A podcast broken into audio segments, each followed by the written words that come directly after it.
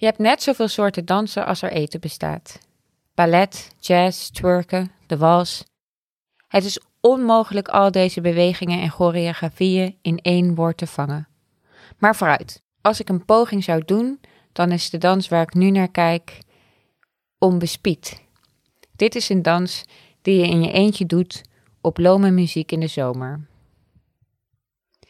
Je kijkt door mijn ogen naar een groot schilderij met daarop vijf vrouwen in witte jurken op blote voeten. De vloer is bruin, de achtergrond is bruin. De vrouwen zijn moeilijk op leeftijd te schatten. Ik denk tussen de 25 en 35 jaar. Ze dansen en zijn zich ook niet bewust van elkaars aanwezigheid. De vrouwen kunnen ook één vrouw zijn, vijf keer afgebeeld in een andere beweging. Eén vrouw en het verstrijken van de tijd.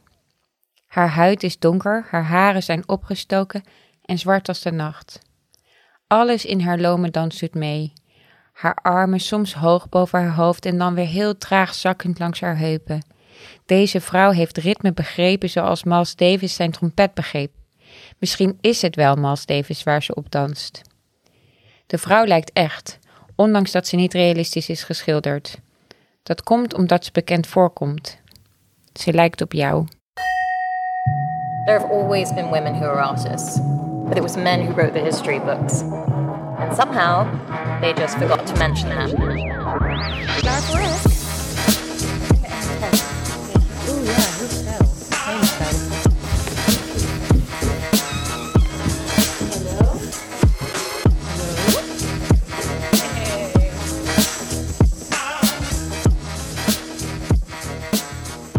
Welkom bij Naakt op een kleedje, de podcast waarin we altijd praten over één kunstwerk.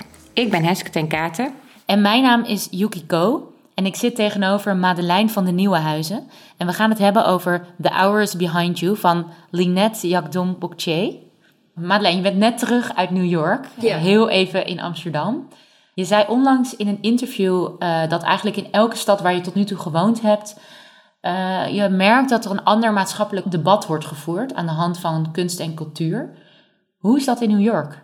Ja, wat ik altijd merk is dat plekken waar, en dat zijn dan vaak grotere steden, waar, waar kunst en cultuur floreert, zijn vaak ook plekken waar debatten scherper gevoerd worden. En volgens mij heeft het ermee te maken dat er altijd een soort dialoog plaatsvindt tussen grotere maatschappelijke debatten en ontwikkelingen in de kunstwereld. Dus bijvoorbeeld in New York, ehm, ik geloof in 2016, was er controverse eh, rondom het Whitney Museum. Want die hadden namelijk een schilderij van Dana Schutz. Ehm, in, in de tentoonstelling opgenomen, de Open Casket of Emmett Till. En Emmett Till was een zwarte jongen die in de jaren 1950 ehm gelyncht is door, door een groep eh, eh, witte mannen in een zuidelijke staat van Amerika. En ehm 15 jaar was hij, geloof ik. En zijn moeder stond er toen op dat hij in een open kist eh, werd, werd opgebaard. Ehm, en, want hij was namelijk helemaal verminkt. En dat was, dat was heel naar en daar was veel controverse rondom. Maar goed, die Dana Schutz, die, dat is dus een witte vrouw. En zij had die, eh, die open kist geschilderd.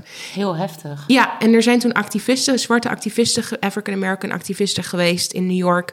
Het begon met één man en die had eh, achterop zijn t-shirt staan ehm, Black Death Spectacle. En daarmee ging hij protesterend voor dat schilderij staan in het Whitney Museum.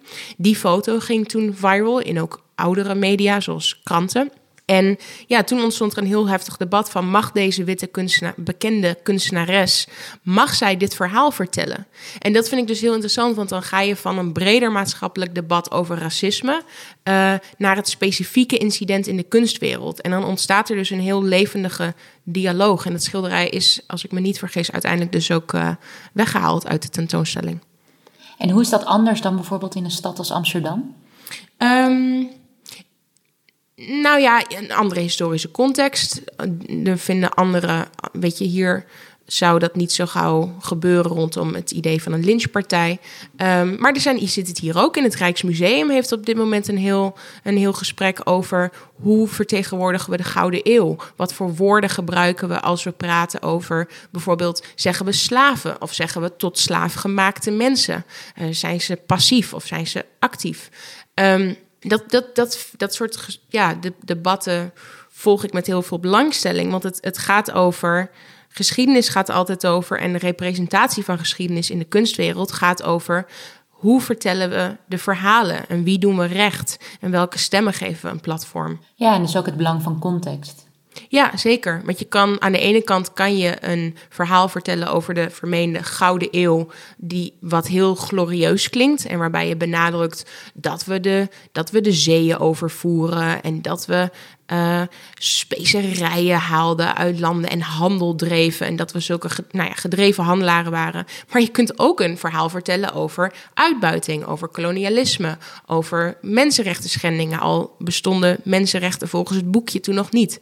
Um, maar dat is dus uiteindelijk gaat het er volgens mij om dat je een soort um, ja, recht doet aan de veelzijdigheid van zo'n verhaal. Dus ik vind het heel goed dat het Rijksmuseum zo'n gesprek dan start. Uh, een beetje laat, maar ja. Beter laat dan nooit. Ja. Ik uh, ga je even introduceren voor de luisteraar die nog niet weet wie je bent. Je bent de oprichter van het populaire Instagram-account Zijkschrift, waarmee je discussies aanzwengelt over ongelijkheid en stereotypering in de media. Door middel van Instagram-posts toon je aan wat niet in de haak is in de Nederlandse media. Zo toon je bijvoorbeeld aan de hand van screenshots aan dat veel Nederlandse tijdschriften heel erg heteronormatief zijn. En ik raakte extra fan van je toen je Amazing, een online magazine wat ik zelf niet kende, aansprak op het feit dat ze racistisch en laagdunkend over Aziatische Nederlanders schreven, die vaak als werknemers in beauty salons werkten. En als Chinese Nederlander vond ik dat heel erg tof, omdat ik zelf ook vaak te maken heb met deze stereotypering. Verder ben je promovendus aan de City University of New York, waar je onderzoek doet naar vrijheid van meningsuitingsrecht op het snijvlak van politieke geschiedenis en constitutionele rechtsgeschiedenis. Een hele mond vol. Ja. En je bent columnist van de Nederlandse Vogue. Ja. Um, je hebt een werk uitgekozen, The Hours Behind. The Hours Behind You van uh, Linette Jakdombokche. Uh, we hebben net een hele mooie introductie van Heske gehoord. Waarom wil je het over dit werk hebben? Ja, omdat, ik, um, omdat het me zo tot denken aanzette. En dat klinkt misschien een beetje suf, want dat gaat toch gewoon over een dansende vrouw.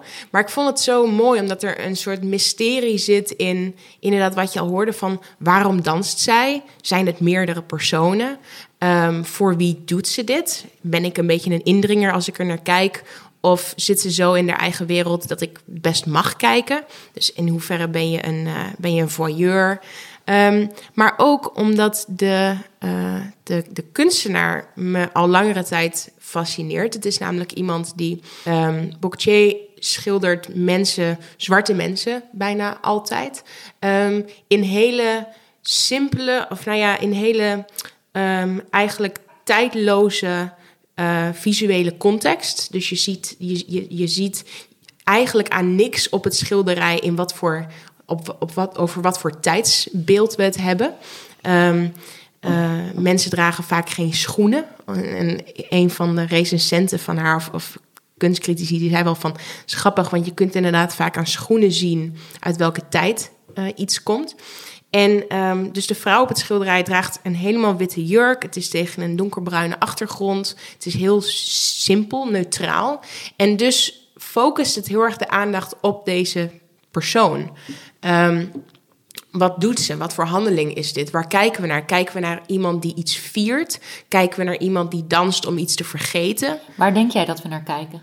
Ja, ik, wat ik nou, de, de titel, en ik probeer altijd als ik door musea loop en zo, dan mag ik niet van mezelf eerst naar de titel kijken, maar dan moet ik naar het kunstwerk kijken en dan, dan mag ik daarna kijken van hoe het heet. En vaak heet het dan Untitled 2. Maar um, het is best wel grappig voor iemand die heel veel met taal bezig is, dat je geen titelbordjes van jezelf mag lezen. Waarom is dat? Nou, in de eerste instantie in elk geval niet, omdat het je dan zo mogelijk beïnvloedt. Dus bijvoorbeeld als je kijkt naar een schilderij van een sneeuwvlakte en die heet dan de leegte om ons heen. Dan en je hebt eerst dat bordje gelezen, dan zie jij een soort van uh, uh, deprimerende leegte. Terwijl als datzelfde schilderij heet um, De Vrede van de Winter of zo, dan denk je, oh mooi, lekker maagdelijk wit landschap, wat leuk. Dus ik denk altijd van, wat gebeurt er nou als je niet weet hoe het heet? En daarom vind ik dat soort titelbordjes als uh, zonder titel 1, zonder titel 2, zowel heel frustrerend als heel bevrijdend. Um, en ik denk dat juist juist omdat ik me altijd zo bewust ben, ook in het werk op zijkschrift, van het effect van taal. En dus bijvoorbeeld als je iemand omschrijft als, weet ik veel, een stereotype van een vrouw als zijnde hysterisch, draagt een andere lading dan als je zegt de hysterische man. Dat heeft een andere historische connotatie. Ehm, dus, dus misschien juist omdat ik me daar zo bewust van ben, denk ik, laat maar even zitten dat bordje. Je wil dus even geen context en het werk gewoon ervaren zoals je het zelf ziet. Ja, in de, in de eerste instantie wel. Ja. Uh, in dit geval heet het The Hours Behind You. En het deed me denken. Nou, ik zat een beetje. Ik, had, ik was net een feministisch boek aan het lezen. Het zal ook eens niet. Maar. um, dus ik zat een beetje in de feministische mindset. En dit is wel leuk, want ik vraag me ook altijd af in hoeverre bepaalt waar wij als toeschouwer zelf in zitten, de mindset waar we zelf in zitten, bepaalt het uh, uh, ons beeld van waar we naar kijken. Maar goed, ik zat dus een beetje in die feministische mindset. Ik zag het schilderij en ik, en ik zag de titel. En ik dacht, oh, misschien is dit wel iemand die viert, een zwarte vrouw. Um, en als je binnen feminisme kijkt, dan, dan, dan kun je het hebben over vrouwen in het algemeen. Maar je kunt ook kijken naar hoe met name vrouwen van kleur het vaak op verschillende manieren. Um, ja, met, met een andere heftigheid van ongelijkheid te maken krijgen, namelijk met de intersectie van, van uh, seksisme en racisme. Dus ik, ik zag een zwarte vrouw dansen en ik dacht, misschien is dit wel iemand die viert dat ze ondanks alles er nog is en aan het dansen is.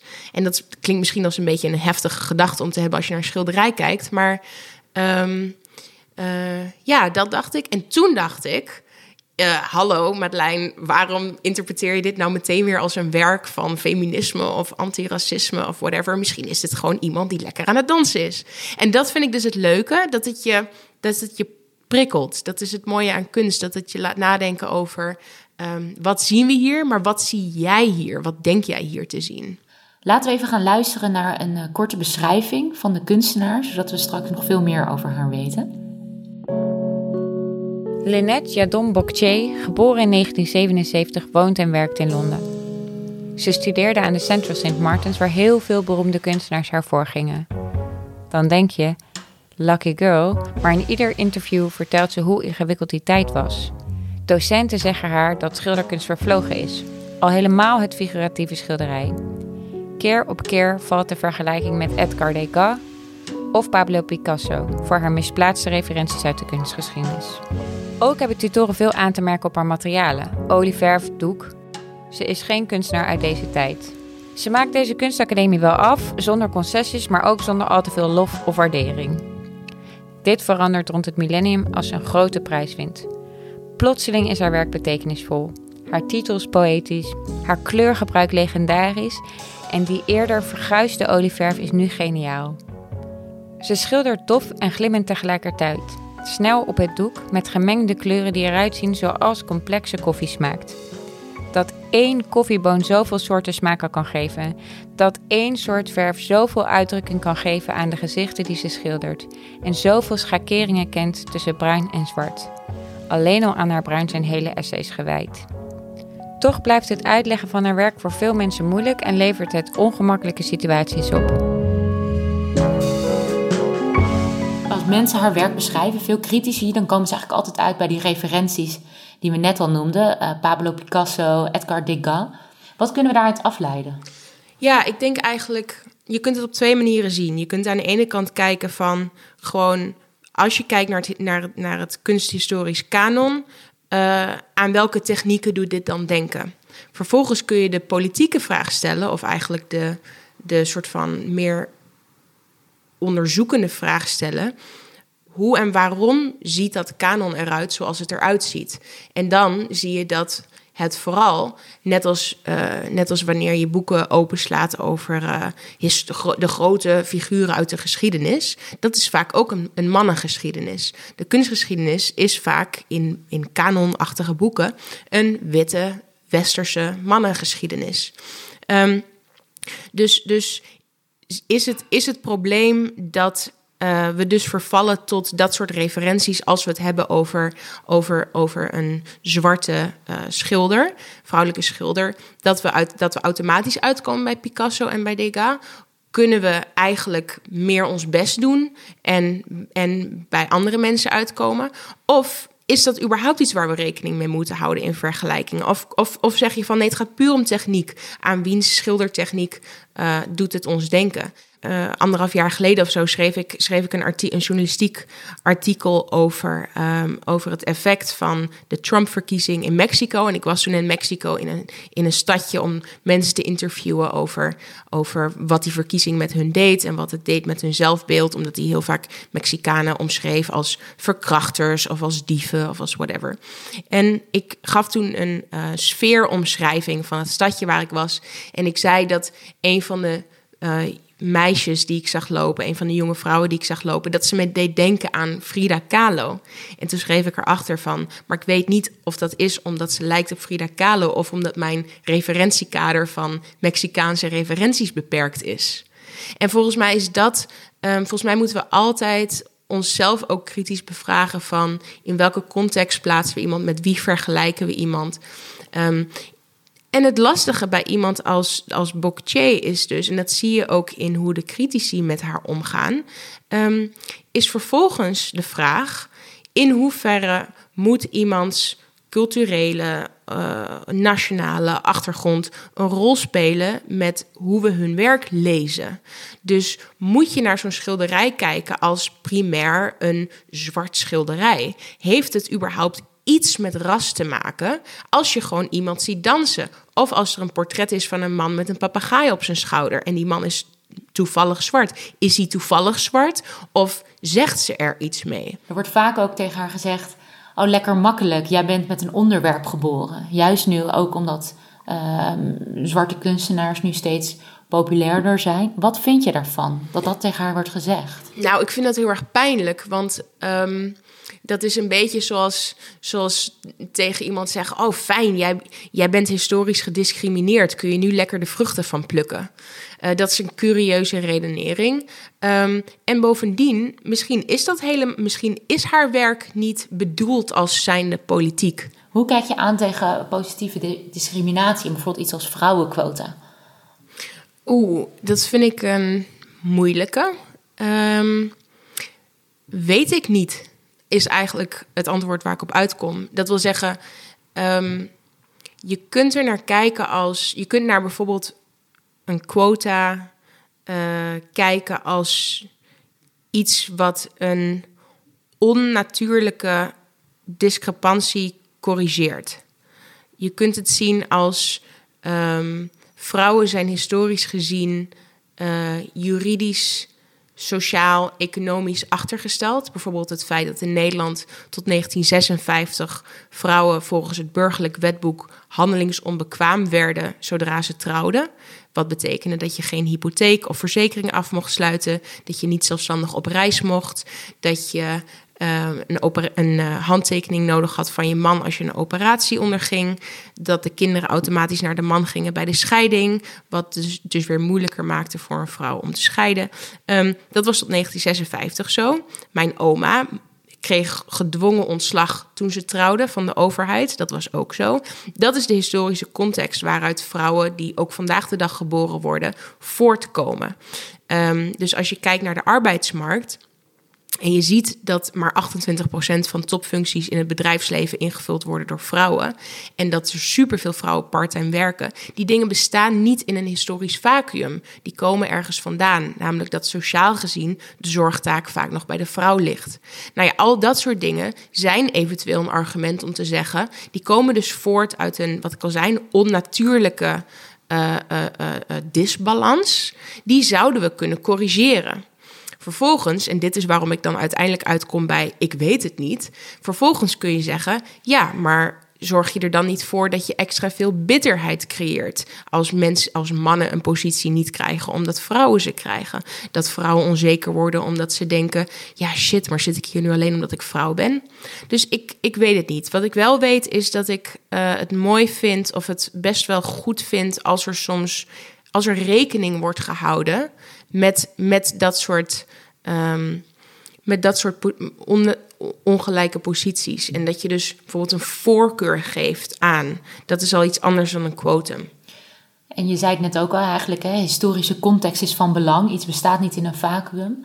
Nou is context ook in het werk van Linette belangrijk. Ze laat het juist bewust weg. Ehm, hoe belangrijk is context als kijker? Jij kijkt als witte vrouw naar het werk van een zwarte kunstenaar. Is dat Ja. dan van belang? Nou, het is, het is in elk geval ehm, illustratief dat ik dus daarnaar kijk en me meteen afvraag of dat een van de eerste vragen die ik mezelf stel is: is dit een politiek statement? Maar toch bij iemand als Degas en ik kijk naar een balletdanser die geportretteerd is, dan denk ik niet: is dit een politiek statement? Terwijl kijk naar een zwar- zwarte balletdanser geschilderd door een zwarte kunstenares, dan zal ik dat eerder denken. En is het een politiek statement van jou om het werk van een zwarte kunstenaar te kiezen? Ehm, in zekere zin wel, ja. Ja. Ehm, maar wat daaraan vooraf gaat, is dat ik haar ontzettend goed vind. En vervolgens denk ik, ik moet iemand, eh, jullie hebben me gevraagd iemand uit te kiezen. En, en, dat, en dat is misschien ook een beetje wat ik net zei met die, met die ben je voor quota of niet. Eh, en dat ik dus eerder ben voor rekening houden met en daar waar je kan anderen voor laten gaan of een extra duwtje geven. Dat ik dus denk, er zijn allerlei kunstwerken die ik mooi vind. Ehm, deze is daar absoluut één van. Ik vind het een ontzettend mooi werk. En het is van iemand die historisch gezien ondergerepresenteerd is in het kunstkanon. Dus ja, dan, dan heb ik het liever over haar dan over Picasso. Het is grappig, want andere gasten die hiervoor waren, die kozen eigenlijk een heel persoonlijk werk, wat heel erg binnen hun biografie paste. Uh, Arna Maskic, die had het over Srebrenica. Stefanie Afriva had het eigenlijk over haar heritage en over de grenzen van taal. Ja, maar ik, ik ken geen Oldenzaalse schilders, bijvoorbeeld.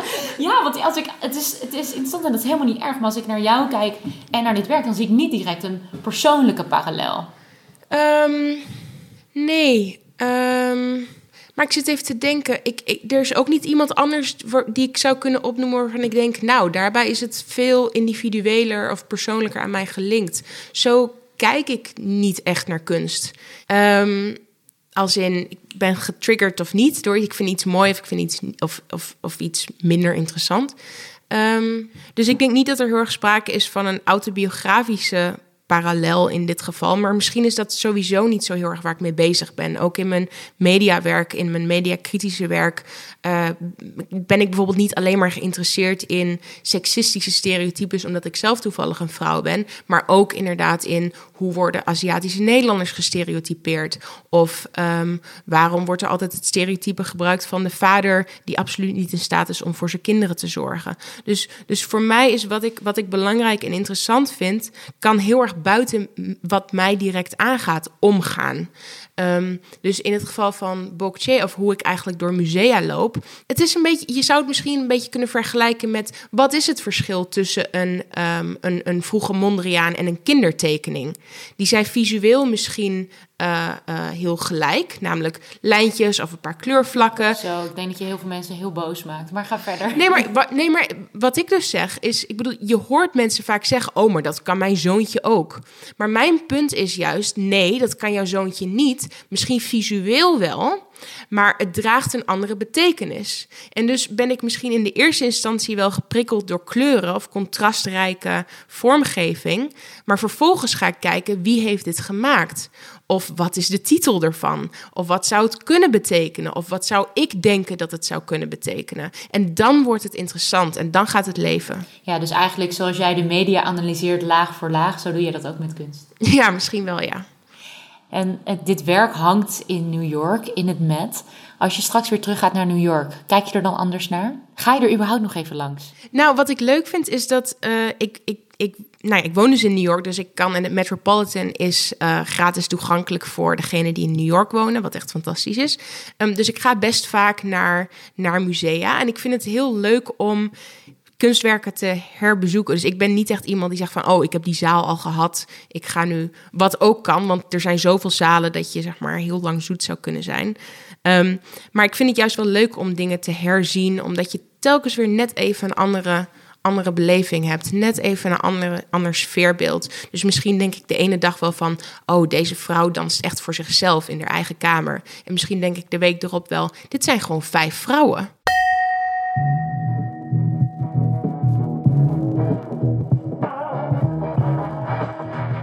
Bedankt Madeleine voor dit mooie gesprek. Wil jij ons als luisteraar nou helpen?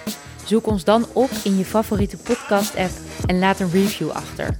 Zo zorgen we ervoor dat nog veel meer mensen horen over alle vrouwelijke kunstenaars waar we het over gaan hebben. Wil je nou meer weten over Linette Jadon-Bocquier? Zoek dan even het profiel dat Zadie Smith over haar schreef in de New Yorker op. En vergeet ook ons niet te volgen op Instagram. Naakt op een kleedje. Madeleine vind je via Zijkschrift. Naakt op een kleedje wordt gemaakt door Heske ten Katen en mijzelf, Yukiko. Onze editing wordt gedaan door Misha Melita en de eindredactie door Anne Moraal en Inge Ter Schuren van VPRO Nooit meer slapen. De jingle is gemaakt door Tom Hofland en Gijs Knol. Het Mondriaan Fonds en Stichting Democratie en Media steunen ons met een financiële bijdrage. Vergeet niet te subscriben in de podcast-app en tot de volgende keer.